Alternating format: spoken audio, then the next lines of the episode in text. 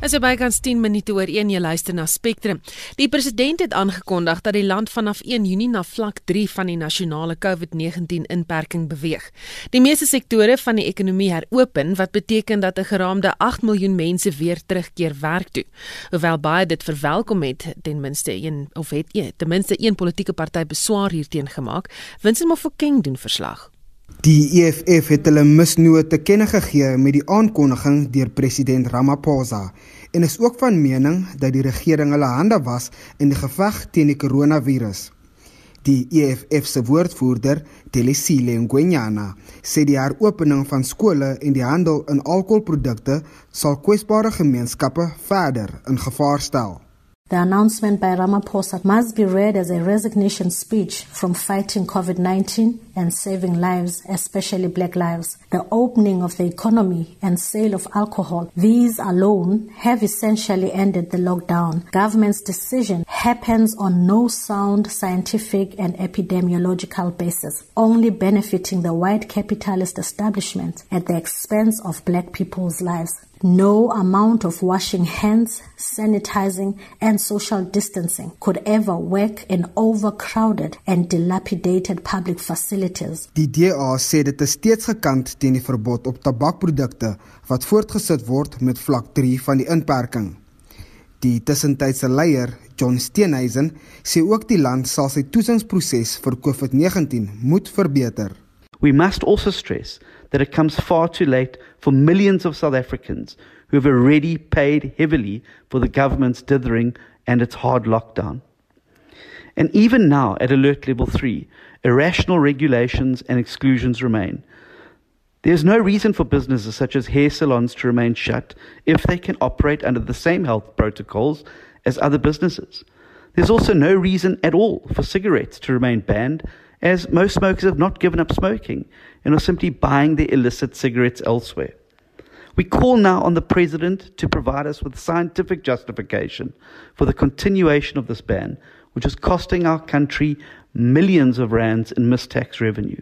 Die IDM-leier, Bantu Golomisa, het 'n beroep op werkgewers gedoen om te verseker om hulle werknemers veilig te hou. The president's speech, uh, however, will require that people and business in particular and, and labor must be more responsible and be disciplined. So, however, let us hope that uh, the relevant ministries would produce regulations which are in line with the president's outlined plan.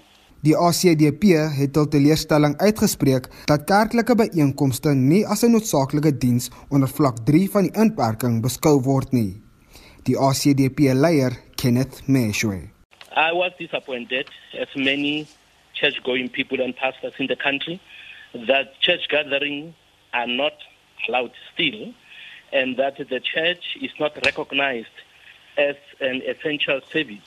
And he further said that spiritual leaders will be needed now more than ever before because of the levels of distress. Die IFP het 'n beroep op Suid-Afrikaners gedoen om versigtig te bly te midde van die aansienlike toename in gevalle van die koronavirus. Die woordvoerder, Mkhuleko Hlengwa. Well, we believe that the evidence-based approach um, to the lockdown is probably the best um, possible way to manage the lockdown. We are welcoming um, level three with um, caution for the simple fact um, that it must not be met with a perception that we have arrived at a point where the worst is over. Die Vryheidsfront Plus sê dat hy steeds sal voortgaan met sy hofaansoek om die regulasies onder die nasionale inperking uit te daag.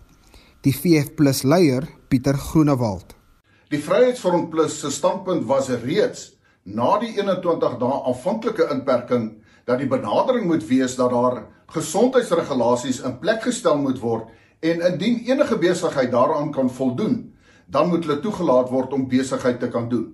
Selfs al is dit eenman sake, soos byvoorbeeld haarkapsters of selfs skoonheidsdeskundiges.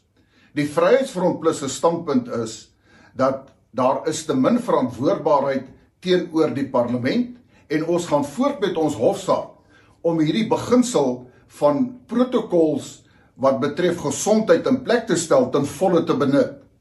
Die Vryheidsfront Plus sê ook dat die skade aan die ekonomie is enorm en die enigste manier om dit behoorlik te kan herstel is om toe te laat laat mense kan terugkeer na hulle werke toe. Die verbod op sigarette maak geen sin nie en die Vryheidsfront Plus sê, "Hoe kan jy toegelaat word om te kan drink, maar jy mag nie rook nie?" Dis onaanvaarbaar. Dit was die VF+ leier Pieter Groenewald. Ek is Vincent Mofokeng vir SAK nuus. Nou ons bly by die onderwerp en praat nou met die politieke joernalis en skrywer Jan Jan Jubber. Goeiemôre Jan Jan. Goeiemôre aan jou Suzan en goeiemôre aan die luisteraars. Nou baie mense het gisteraand nou kere geluister, waarskynlik omdat daar 'n persepsie posgevat het dat daar dalk ook politieke beweegredes agter die COVID-19 inperkings is, ehm um, eerder as net gesondheid of ekonomie. As ons kyk na die gedeeltelike opheffing van drankbeperkings maar nie op tabakprodukte nie, dink jy hierdie besluite word ook vanuit 'n politieke oogmerk geneem? Ek dink so want um ek dink daar's 'n oor fokus te, te sterk fokus op die gesondheidsaspek en nie genoeg fokus op die ekonomiese aspek nie. Beide is belangrik, maar die een kan nie sonder die ander nie en um die balans moet nou gevind word en die president sê so maar dan doen hy dit nie waar daar um gekyk na word na die ekonomiese katastrofe wat alles waar baie moeilik sou wees om te vermy en wat wêreldwyd is maar wat um minder erg gemaak kan word deur goeie bestuur. So die punt wat hier op die laaste gemaak is in verband met um drank en sigarette, nie een van die twee is goed vir jou gesondheid nie. So as jy vir 'n uh, dokter sou vra um, is dit beter as mense nie rook nie of as hulle rook dan gaan altyd sê as hulle nie rook nie. En nou sit jy met iemand soos Dr. Nkosazana Dlamini Zuma wat um, 'n groot deel van haar politieke testament daaraan wy om die rookgewoonte te bekamp En dit is nie asof sy verkeerd is nie. Dit is nie goed vir mense om te rook nie. Maar as jy in elk geval 'n roker is, na wat ek verstaan, want ek is nie een nie, um, dan is dit soms ook maar beter as jy nie ophou rook nie, want jy raak so afhanklik daarvan. Dis maar soos enige verslawing. So dan raak jy baie baie moeilik en jy raak 'n handvol vir jou huismense en alles is onaangenaam. En dit in 'n tyd van groter stres en trouens groter geweld teen vroue en kinders is waarskynlik 'n baie slegte idee. Die vraag dien ook gestel te word, Susan. En um ek gaan hom sommer self stel en probeer antwoord oor nee want dit is net dit is net veiliger dat een van ons dit doen eerder as albei. Um die vraag dien ook gestel te word, waarom is dokter Glamini Zuma so teen die wettige verkoop van sigarette, maar sy blyk glad nie vreeslik opgestres te wees oor die onwettige verkoop van sigarette nie. En dan moet ons onsself afvra in die tyd toe sy geld nodig gehad het in haar veldtog om te probeer om leier van die ANC te word hier in 2017, die een wat misluk het. Hoekom is die foto van haar saam met Adriano Mazzotti, die selferkende en leidende persoon in die onwettige tabakhandel geneem? Hoeveel geld het daar hande verwissel En hoeveel gewone sigaretverkopers is nou besig om bedelaars te word terwyl diegene soos meneer Mazotti waarskynlik want hulle betaal nie belasting nie, so ons sal nie presies weet nie en hulle word daarvoor ook nie gevang nie en ook geen aandrang op hulle op hulle arrestasie nie terwyl mense soos meneer Mazotti besig is om waarskynlik miljardêrs te word. Waar kom daai geld vandaan en waar gaan dit heen? En wie het dalk politieke aspirasies van die toekoms wat vanuit daardie bronne gefinansier sal moet word. Hm. Ja ja, as dit iemand anders was uh wat byvoorbeeld vir Ramaphosa polities ondersteun het, sou ons 'n ander debat gehad het nou. Ek weet nie wat ons het nie. Um dit is nie iemand anders nie. Dit is dokter Nkosazana Dlamini Zuma, die persoon wat op dieselfde foto soos meneer Mazotti is, wat volgens alle aanduidings as die um openbare beskermer advokaat Bosisiwe Mqobani al werk gedoen het en albei kante van die ANC leierskapstryd oor dieselfde kam geskeer het, dieselfde vraag gevra het, dan sou ons geweet het. Um of meneer Mazotti geld aan Dr. Lamini Zuma gegee het en of um en wat die bedrag daaraan verbonde is indien wel. Die punt hier is dat niemand vra die vraag nie. En ek dink daai tyd is nou verby want dit is nou polities relevant om daai vraag te vra. Dit is geen sin te maak andersins uit hierdie um absolute um oneweredige besluit om drank te verkoop toe te laat en sigaretverkope nie toe te laat nie. Goed, so politieke uh, denke binne die regering, is dit volgens faksies verdeel met ander woorde dink jy? Moeilik om te sê omdat ons nie op hierdie stadium eintlik veel beslag gee aan ons sogenaamde oop demokrasie nie. En gewoonlik het ons 'n baie oop demokrasie en daar's aspekte van ons demokrasie wat steeds baie oop is, soos vryheid van die pers. Die blote feit dat ek die pas um afgelope stellings kon maak en nie hoef te vrees vir vervolging nie.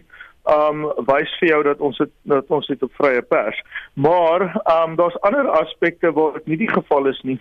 En um daar's selfs minder verantwoordbaarheid as ooit. En dit moet ek jou sê, was 'n punt wat ek op dag 1 met die leiers van die vier grootste oppositiepartye DA, EFF, IFP en Vryheidsfront Plus opgeneem het. So hulle almal daar so gelukkig gelyk het na 'n tuinhuisvergadering en besluit het om in te stem tot 'n stand van uh, rampspoed uh eerder as 'n uh, as 'n uh, um noodtoestand, 'n ramptoestand eerder as 'n noodtoestand. En ek kon dit nie verstaan nie want hulle het in die proses hulle oorsigrol weggeteken omdat 'n uh, uh, noodtoestand baie moeilik is om te hernie. Dit kan nie gedoen word sonder 'n uh, parlementêre debat en parlementêre instemming um na 90 dae en dan van daar af na 60 dae nie elke 60 dae nie. Terwyl 'n uh, ramptoestand kan basies vir ewig aanhou soos ons kan sien. Nou ek sê nie dit gaan vir ewig aanhou nie ek dink regtig nie so nie. Maar um hierdie ramptoestand het gemaak dat mense deur dekrete regeer. Van die dekrete is sinvol. Ek dink die wat kom van die departement van gesondheid is sinvol Ek dink um van die wat kom van departement handel en nywerheid is sinvol. Daar's natuurlik meer fokus op die wat nie sinvol is nie. Maar die wat kom van die departement van plaaslike regering van Dr. Dlamini Zuma is nie vir my sinvol nie. En um daar's geen manier om dit eintlik te opponeer behalwe in die hof nie. En dis hoekom ons het nou 'n klomp hofsaake wat aangaan. Maar polities in die ANC is dit sekerlik so dat die ministers wat tot dusver nie eintlik die bevolking beïndruk nie en met rede soos minister Zulu in maatskaplike ontwikkeling en uh, minister kom ons dink wie's nog baie erg. Mm, is bietjie moeilik, maar want van die erges is ook uh, Ramaphosa ondersteuners, maar minister Zulu byvoorbeeld en minister Lamini Zuma is nie mense wat in die verlede vir um, meneer Ramaphosa die politieke pad maklik gemaak het nie. Daar's ook van die moeilike ministers soos um, minister Kele en um minister Patel wat wel groot ondersteuners van meneer Ramaphosa is, hulle loop ook deur onder baie kritiek van die bevolking. Die punt hier is eintlik op die ou end polities, moreel, prakties alles. Ons is die regering se landsburgers. Ons is nie die regering se kinders nie.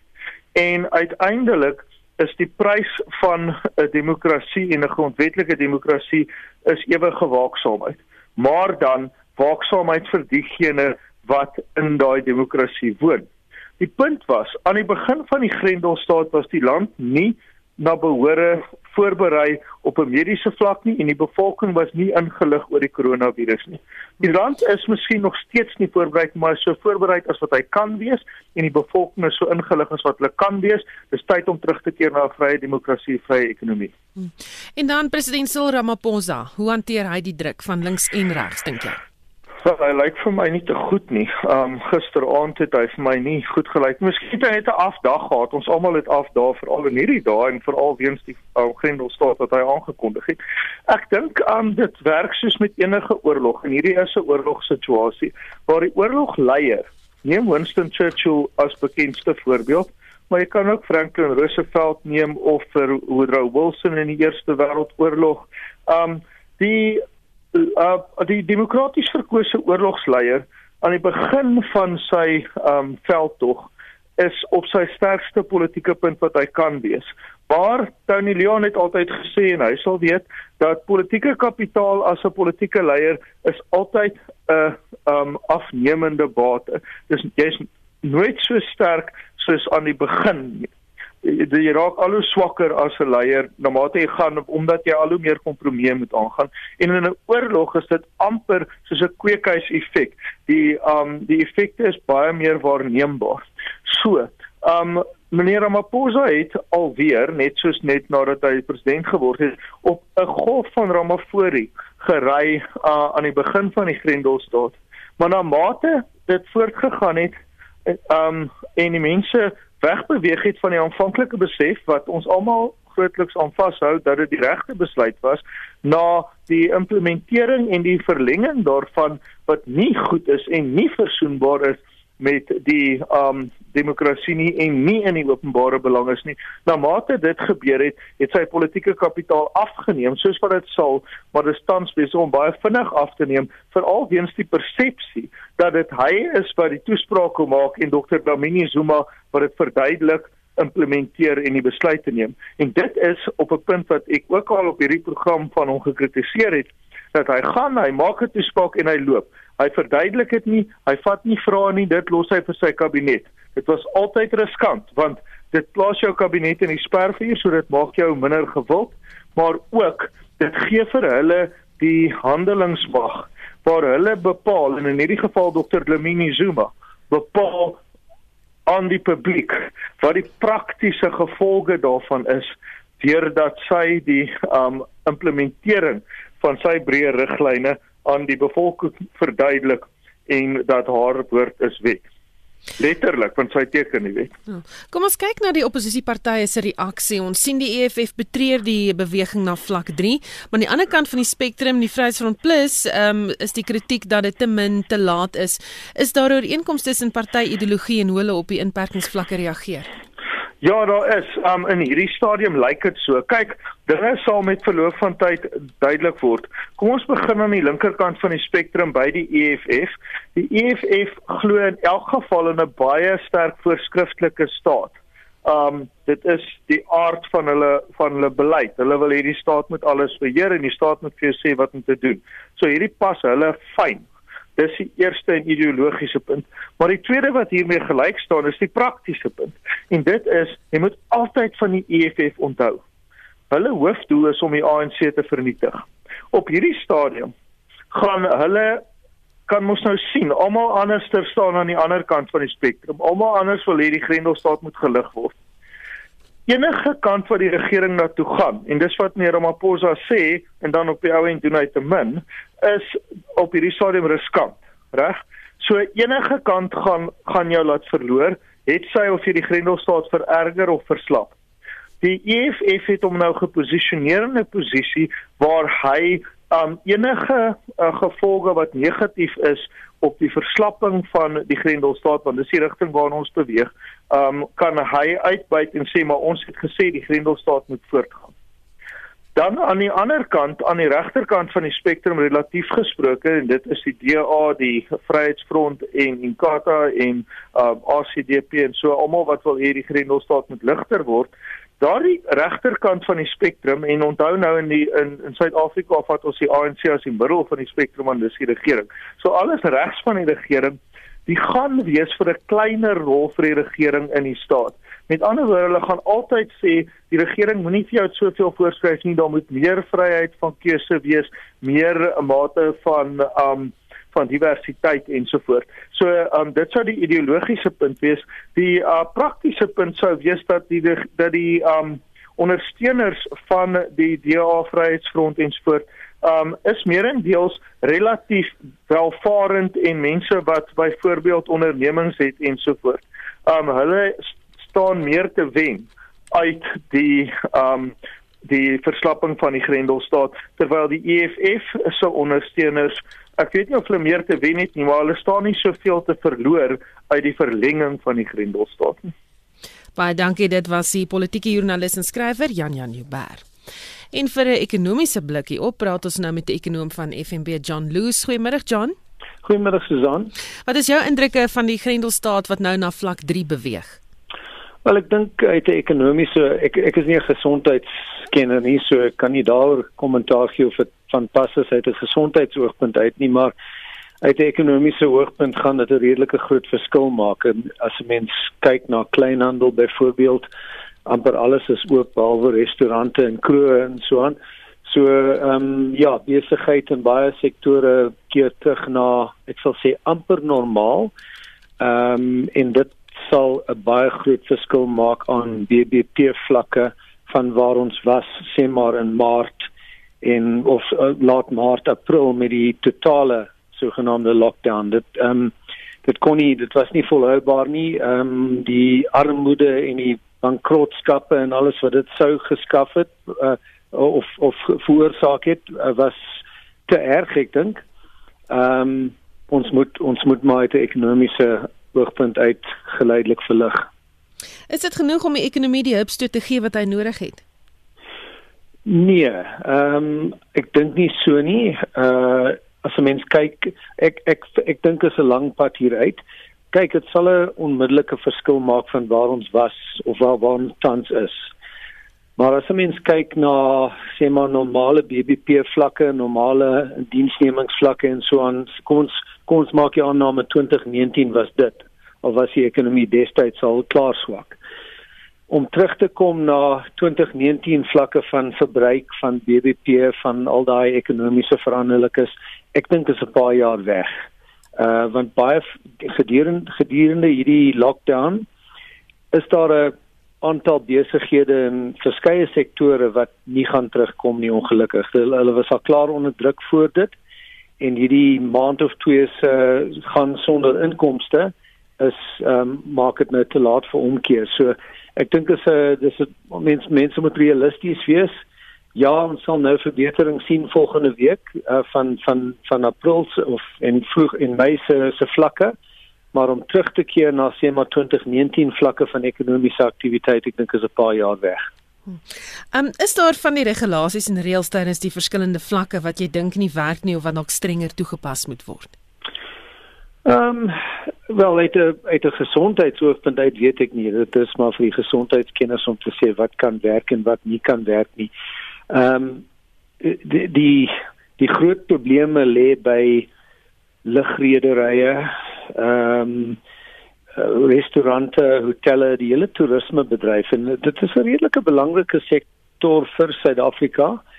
Ehm um, nie net oorseese toeriste nie, dit hulle hulle is afhanklik van hulle eie regerings om hulle toe te laat om hiernatoe te kom nie. Maar plaaslike toerisme is 'n baie groot deel daarvan. En ek weet nie mooi hoe mens daai balans kry tussen weer oopmaak, restaurante, lugrederye, hotelle, maar sonder dat die virus ehm um, redelik vinnig versprei nie. Daai is 'n baie moeilike gedeelte van die ekonomie en ek dink as gevolg daarvan ek ek dink die vir die hotelbedryf en so aan die restaurantbedryf is dit maar 'n aansien jy weet dis aansienlik langer moeilike tydperk voor met een of ander beperkings um, op hoeveel hy getalle of ek, ek ek is nie mooi seker hoe hulle dit gaan reguleer nie want dit is 'n baie moeilike area van beleid. Baie dankie dit was die ekonom van FNB John Loose. Jy luister na Spectrum elke weekmiddag tussen 1 en 2. In die program die Sakeliga gaan voort met sy regsaksie teen die regering ten spyte van die afskaling van COVID-19 inperkings en Suid-Afrika is betrokke by internasionale pogings om 'n geneesmiddel of enstof teen COVID-19 te vind. Ek weet daar 'n spesifieke studie is wat fase 1 en 2A studie is. Dit is baie vroeë fase van die enstof toetsing. Dit nog deur ordentlike fase 2 gaan daarna en dan nog deur 'n fase 3 waar dit op verskillende mense op groter skaal getoets gaan word. Die eerste fase van hierdie spesifieke enstof wat getoets gaan word, ek weet nie of, of ek mag sê watter enstof dit is nie, maar dit is redelik op hierdie stadium nog onder bespreking en maar ons is definitief in Suid-Afrika betrokke by uh, een enkele enstof op hierdie stadium waarvan ek bewus is. Bly ingeskakel.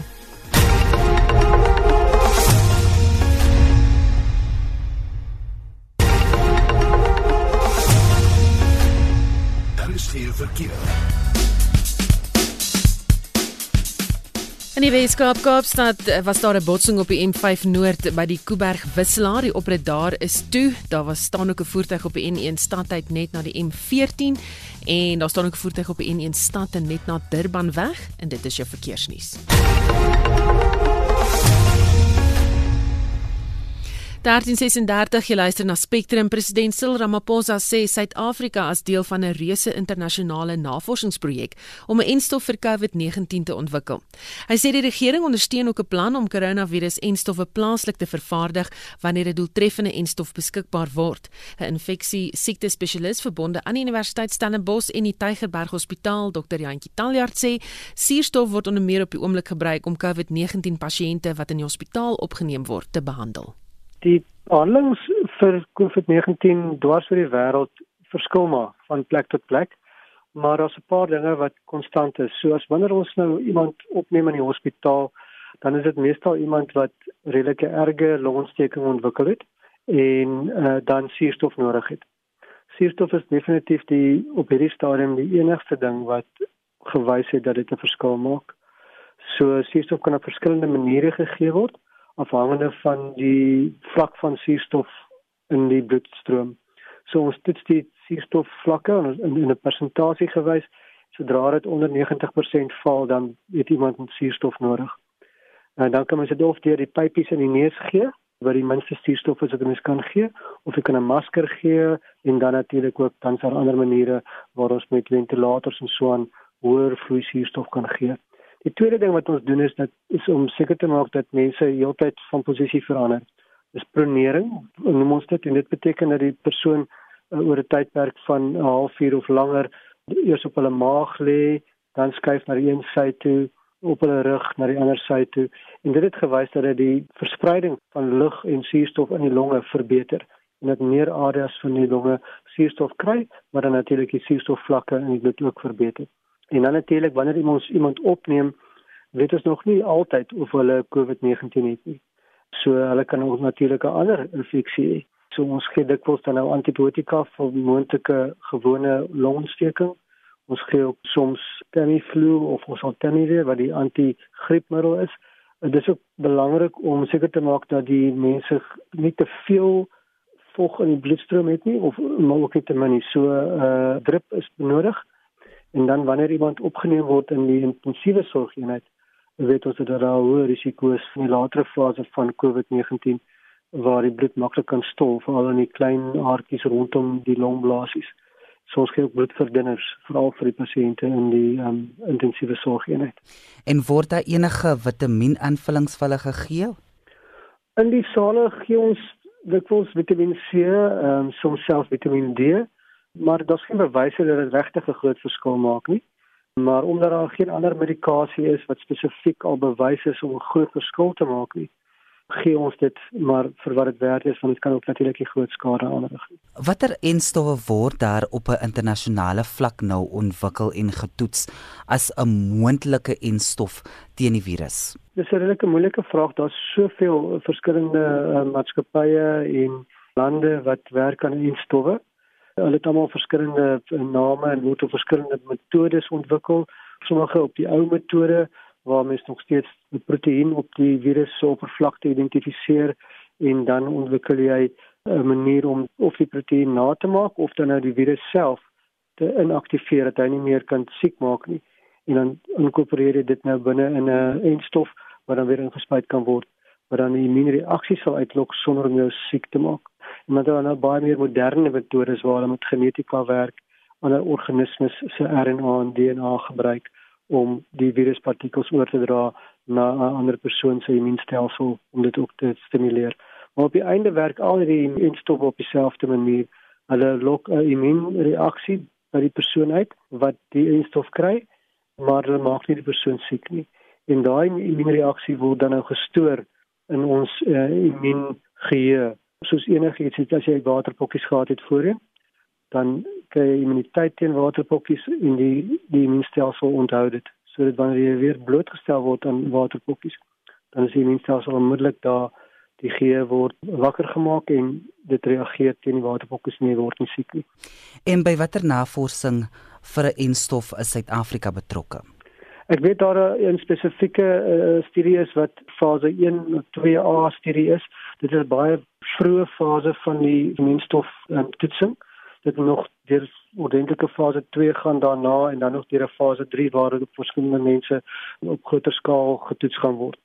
Die eerste fase van hierdie spesifieke enstof wat getoets gaan word Ek weet nie of, of ek mag sê watter enstof dit is nie, maar dit is redelik op hierdie stadium nog onder bespreking en maar ons was definitief in Suid-Afrika betrokke by uh, een enkele enstof op hierdie stadium waarvan ek bewus is wat getoets gaan word binne die volgende paar maande, maar dis op 'n baie lae vlak, fase 1, 2A tipe van 'n toets waar hulle net die basiese beginsels van die enstof gaan toets kyk of hy 'n immuunreaksie uitlok en of hy veilig is, maar dit is glad nie op 'n groot skaal op 'n fase 3 net voor vrystelling van die enstof nie.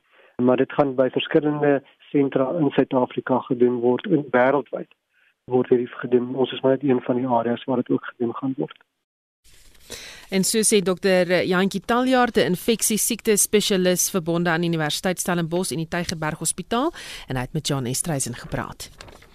Die goudmyn AngloGold Ashanti het Sondag bevestig dat 164 werkers positief getoets het vir COVID-19. Die bestuur van AngloGold Ashanti sal vandag met gesondheidsbeamptes vergader om die verspreiding van die koronavirus by die Mponeng myn in Carletonville, Wes van Johannesburg te bespreek. Die myn het donderdag 650 toetse gedoen op werkers wat in primêre kontak was met pasiënte wat positief getoets het. Net verlede week is die bedrywighede by die Impala Platinum Marula myn in Limpopo gestaak na 13 werkers die virus opgedoen het. Intussen het twee mynwerkers by Harmony Gold se Calgold myn in Noordwes ook positief getoets vir COVID-19. En ons praat nou met Solidariteit se hoofsekretaris Gideon Du Plessis. Goeiemôre Gideon. Goeiemôre Susan. Hoe groot is die impak op Mponeng myn se mynbedrywighede? Wel, dit raak al hoe groter. Die getalle is nou opgegaan na 189 toe. Dis soos van die toetsresultate terugkom. En die myn is is gesluit, maar die van die begin af was die besluit geneem as hulle net een geval het, sal hulle die myn sluit. Maar mens moet ook besef dis proaktiewe optrede wat die myn uh, geïmplementeer het. So dit is mynwerkers wat getoets is voor hulle begin werk het. En ek moet sê Susan, Mr. Gwedi Montashe het 'n maand gelede in 'n vergadering met die vakbonde gesê sy voorspelling is dat in Noordwes provinsie en Limpopo provinsie se getalle is relatief laag en sodra die myne gaan oopmaak gaan mynwerkers van KwaZulu-Natal en uh, ook van die Oos-Kaap af instroom. Hulle gaan hierdie keer getoets word ehm um, nie net 'n gewone skandering nie en die die getalle gaan die hoogte inskiet vir die twee provinsies as gevolg van mynwerkers se terugkeer. So hierdie is nie 'n 'n verrassing nie, maar dis eintlik maar 'n proefloop hier want ons weet soos ons die piek gaan bereik, gaan hierdie tipe van getalle net toeneem en toeneem. So ons benader dit uh, saam met die maatskappy die maatskappy hanteer dit regtig baie goed as 'n proefloopie om te kyk hoe gaan ons dit hanteer. Die departement van gesondheid uh, neem van die uh, besluit hulle dele van die myn kan oopmaak. So dit is 'n baie gekontroleerde omgewing waarin dit plaasvind, maar natuurlik sleg dat die myn moes toemaak uh, op hierdie stadium net nadat hy eintlik in die proses was om om in volproduksie te kom. Hmm. Wat sal die ekonomiese impak wees as mynbedrywighede heeltemal gestop word weer? Dis dis enorm. Ehm uh, want eerstens moet mens kyk daar's behalwe dat uh, die geen werk geen betaling beginsel geld uh, gelukkig eintlik al Ashanti pas dit nie toe nie die werkers kry hulle vol salarisse maar die ehm um, die, die die produksiekoste is al reeds laag. Nou maatskappye soos Sibanye het 90 90 miljoen rand per maand wat hulle moet ekstra betaal aan aan die veiligheidstoerusting. En en dit is al klaar groot druk. Nou sit ons by die goudprys wat hoog is hier by 980 1000 rand per kilogram die myn die goudmyne kan nie regtig dit uh, benut nie. En dan is dit die afstroom impak daar's plaaslike ekonomie wat geraak word die vervaardigingssektor die kontrakteurs die finansiële sektor. En dan is die plaaslike gemeenskap wat dienste kry van die mynhuise. En as die mynhuise daai dienste moet sny gaan dit lei tot protesaksies. Um, en die mynhuise moet gereed wees vir die opswaai fase en solank uh, hulle nog um, in 'n in 'n infasering fase is gaan ons nie gereed wees nie en ons kan sien Uh, ons het vanoggend onderhandelinge gehad by Village Mine Reef. Ehm um, hulle het 6309 werknemers wat hulle wil aflê of ten minste 70% daarvan. Uh, verlede week by Kangaroo Coal waar 401 werkers geraak word vir die realiteit uh is regtig uh, sleg alreeds in die voor vroeë stadium die impak wat dit op werkers en ook en ook op die ekonomie in in in, in totaal sal hê natuurlik dit raak ook belastinginkomste vir die regering. Gideon, dan staan ook 'n staking deur die arbeidsmag. Hoe gaan dit uh, te midde van die koronavirus ook verder die mynbedryf beïnvloed? Ja, dit is ehm um, onverantwoordelike uh, optrede wanneer daar enige uh, nywerheidsaksie op hierdie stadium plaasvind. Ehm um, en en en ons hoop ook en ons doen 'n beroep op al die vakbonde en die gesprekke wat ons voer is dat dit gaan nou oor oorlewing. Dit gaan oor volhoubaarheid en dit gaan oor werksekuriteit. En um, ons het reeds die impak van Eskom ervaar sodra die myne gewig en werk en die druk op Eskom groter word. Ons gaan die Eskom impak hê ons gaan die afgradering uh, impak hê met geld wat baie meer duurder is vir myne om te gaan leen as hulle in infrastruktuur uh, wil investeer. So die gevolg is mense het nou goeie leierskap nodig en ehm um, volhoubaarheid moet almal se hoofdoelwit wees en vakbonde glo ek het hulle lesse geleer in die afgelope paar jaar so ek ek voorsien dat daar 'n mate van volwassenheid sal wees na die vakbonde ook dat daar geen aksie sal wees waar mense werkers uit 'n posisie uit kan uh, staak in midde hierdie geweldige moeilike omstandighede en die onsekere omstandighede. Baie dankie dit was Gideon Du Plessis hoofsekretaris van Solidariteit. Ry in ons radiodrama Donderdag aand 28 Mei om 8uur saam met die derde pryswenner van die RSG Sanlam radiodrama skryfkompetisie van 2019 met Leon Creur. Iets is nie lekker in hierdie kompartement nie. Het julle ouens gedrink? Oh, no sir. We don't have any alcohol. En as ek in julle vuil tasse krap, Engelsman, wat kry ek dan? Hoekom is daar bloed op hierdie man se rug? En wat maak die moffie met die watte? Ek is ek is nie 'n moffie nie. Ek gee nie om wat jy is nie. Jock Messenger, Martin Venter, De Klerk Olofse, Konradi van Heerden en Chris van die Kerk. Vyf vriende het op 'n trein branderplank gery. Een is vroeg huis toe. En vier was daar die dag toe iemand op patrollie 'n landmyn aftrap. Koue Kayings deur Lee Du Bell. Donderdag aand 28 Mei om 8uur in RSG Drama met regisseur Johan Rademan.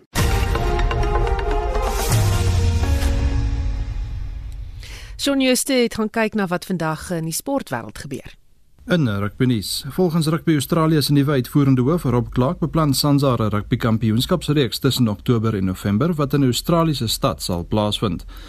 Indien reisbeperkings dit onmoontlik vir Suid-Afrika en Argentinië maak om deel te neem, kan 'n Bledisloe reeks tussen die Aussies en All Blacks met tuis- en wegwedstryde gespeel word. Indien die kampioenskap in Oktober-November voortgaan, kan dit ook die einde van vanjaar se toer na Europa beteken. Die Springbokke meet tussen 7 en 28 November teen Italië, Ierland, Frankryk en Wales kragte. Nieu-Seeland se plaaslike Super Rugby kompetisie skop op 13 Junie af, terwyl die Aussie spanne ook weer begin oefen het. Suid-Afrika beweeg oor na vlak 3 inperkings op 1 Junie, maar kontaksport word nog nie toegelaat nie en daar is geen duidelikheid oor wanneer basiese oefening hervat kan word nie. Die Springbok slot Franco Mostert het 'n 4-jaar kontrak met die Japannese klub Honda Heat geteken en vervang nog 'n bokslot RG Snyman wat in Ierland by Munster gaan aansluit. Mostert het in 2018 by Gloucester in Engeland begin en tussen 2014 en 18 vir die Lions gespeel.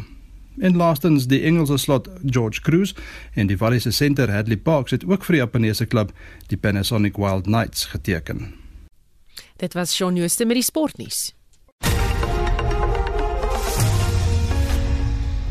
1352 geluister na Spectrum ten spyte van die regering se aankondiging gisteraand dat die land na vlak 3 van die staat van inperking in Junie beweeg, het die Sakeliga aangedui dat hy steeds die hof gaan nader.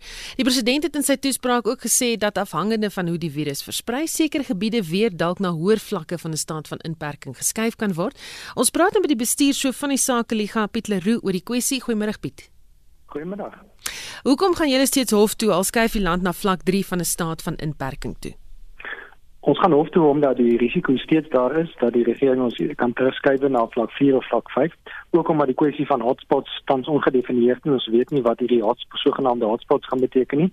En ook omdat die regering steeds op die wetboek hou die uh, vereistes dat uh, besighede lisensies moet hê voordat hulle mag besigheid doen. So ons gaan hof toe om daardie beginsel uh, te verander en ons gaan die hof gaan dit tersyde te stel. Ehm um, en dan die besluit om na vlak 3 toe te gaan, is die opening van meeste sake ondernemings onder streng regulasies genoeg om ekonomie die hupstoot te gee wat hy benodig.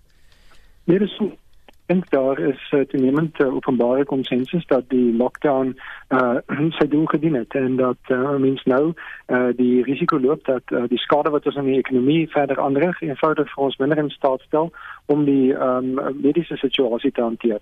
So uh, met hierdie vlak 3 lockdowns is hier steeds die gasvryheidsbedryf se knie afgeslaan. So haarsalonne kan nie oopmaak nie, verskeie ander persoonlike dienste kan nie dienste lewer nie. Ehm um, en uh, ek dink ons moet wegbeweeg van hierdie benadering om sektore heeltemal toe te maak uh, en uh, ons behoort te sê mense behoort voorsorg te tref, maar uh, dit is tyd om van die lockdown uh, ontslae te raak. Hm. Ek wil nou vir jou vra, jy weet, wat is steeds vir julle sinnelose regulasies? Jy het nou so 'n paar genoem, is daar nog? Ja, ek dink eh uh, sies maak die uh, verbod op tabakprodukte glad nie sin nie. Ehm um, en dan is daar 'n verskeidenheid van uh, onthou almal in Suid-Afrika is steeds aan huisarrest. Jy se plig om by die huis te bly behalwe as jy winkel toe gaan of werk toe gaan. So uh, in feite is daar uh, steeds 'n vorm van huisarrest selfs op vlak 3. Eh uh, en uh, en dit is uh, reëls wat nie sin maak nie en wat eintlik die bestuur van die krisis heeltemal sentraliseer by die regering in plaas van om te sê maar hier is 'n klomp volwasse mense in die land wat maatreëls kan tref uh, en ons weet nie wat ook nie soms omstandighede is nie, kom ons uh, maak die ekonomie oop, kom ons plaas vertroue in mense om maatreëls te trek. Dis die rigting waarna ons moet beweeg. Wat ons tans het, is iets wat uh, wat net onnodige skade bring. Baie dankie, dit was die bestuurshoof van die Sake Liga Piet Leroux. Dit was Spectrum met 'n uh, waarnemende uitvoerende regisseur en redakteur Hendrik Martin. Ons produksieregisseur Frikkie Wallis. Ek is Susan Paxton. Geniet jou middag.